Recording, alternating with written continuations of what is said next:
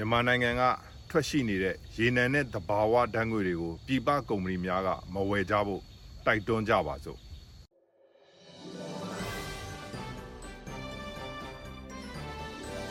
သွေးစွန်းငွေတွေကိုဖျက်တောက်ဖို့တစ်ကမ္ဘာလုံးမှာရှိတဲ့လူအခွင့်အရေးကိုလေးစားသူတိုင်းညီညီညွတ်ညွတ်ဆောင်ရွက်ရန်အရေးကြီးတဲ့အခြေအနေကိုရောက်နေပါပြီ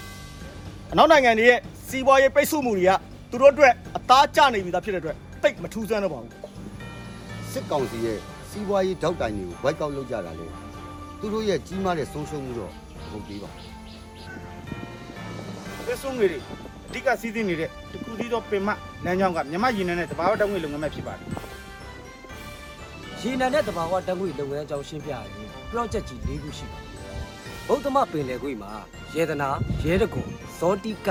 တဘာဝတံငွေလုပ်ငန်းများဖြစ်ပြီးတရက်ကိုတဘာဝဓာတ်ငွေကုပပေတန်ပေါင်း 1280ကျော်ထွက်ရှိတယ်လို့သိရပါတယ်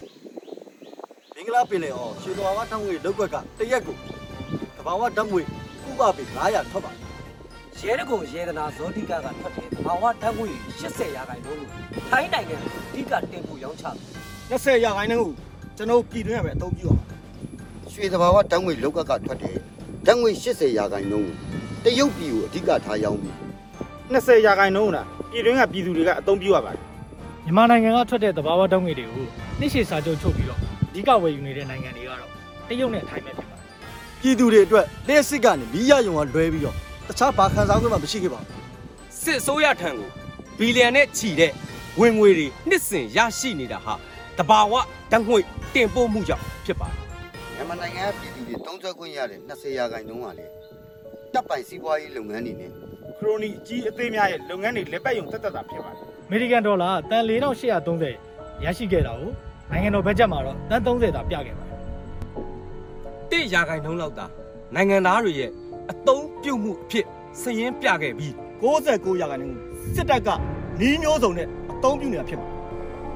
စစ်အသုံးစိတ်ကိုအကြောင်းပြကိုကျိုးစီးပွားအတွက်သာအသုံးပြုခဲ့ကြပါမြန်မာနိုင်ငံရဲ့ရေနံနဲ့သဘာဝဓာတ်ငွေတွေကိုအဓိကဝယ်ယူနေကြတဲ့တရုတ်ထိုင်းနဲ့အခြားနိုင်ငံတွေ တိုတယ်ချေဘရွန်တို့ရဲ့အကျိုးအမြတ်တွေနဲ့သူတို့နိုင်ငံရဲ့လေပတ်မှုတွေမှာ။ကျွန်တော်တို့မြန်မာနိုင်ငံသားတွေရဲ့သွေးတွေစီးဆင်းနေတယ်ဆိုတာသူတို့သိဖို့လိုပါတယ်မြန်မာနိုင်ငံရဲ့ရေနံနဲ့တဘာဝဓာတ်ငွေတွေကိုဝယ်ယူသုံးစွဲနေတဲ့နိုင်ငံတွေရဲ့လျှက်စစ်ပြီးတွေ။သူတို့သုံးစွဲနေတဲ့ရေတွေသူတို့တုံးဆွဲနေတဲ့လေးပေးဆက်တွေထဲမှာမြန်မာနိုင်ငံသူမြန်မာနိုင်ငံသားရဟန်းရှင်သူကလေးသူငယ်များရဲ့သွေးတွေနဲ့ပျော်ရွှင်စွာအသက်ရှင်ရပ်တည်နေခြင်းကခမားတို့အဆင်ပြေရလားလို့မေးခွန်းထုတ်ချင်ပါတယ် လူသားချင်းတကယ်စာနာထောက်ထားတယ်ဆိုရင်မြန်မာနိုင်ငံရဲ့ရေနံနဲ့သဘာဝဓာတ်ငွေ MOG ကိုနိုင်ငံတကာကပိတ်ဆို့အရေးယူပြီးကျိုးတူပူးပေါင်းဆောင်ရွက်ခြင်းတွေကိုရှောင်ကျဉ်ပေးကြဖို့တောင်းဆိုလိုက်ပါ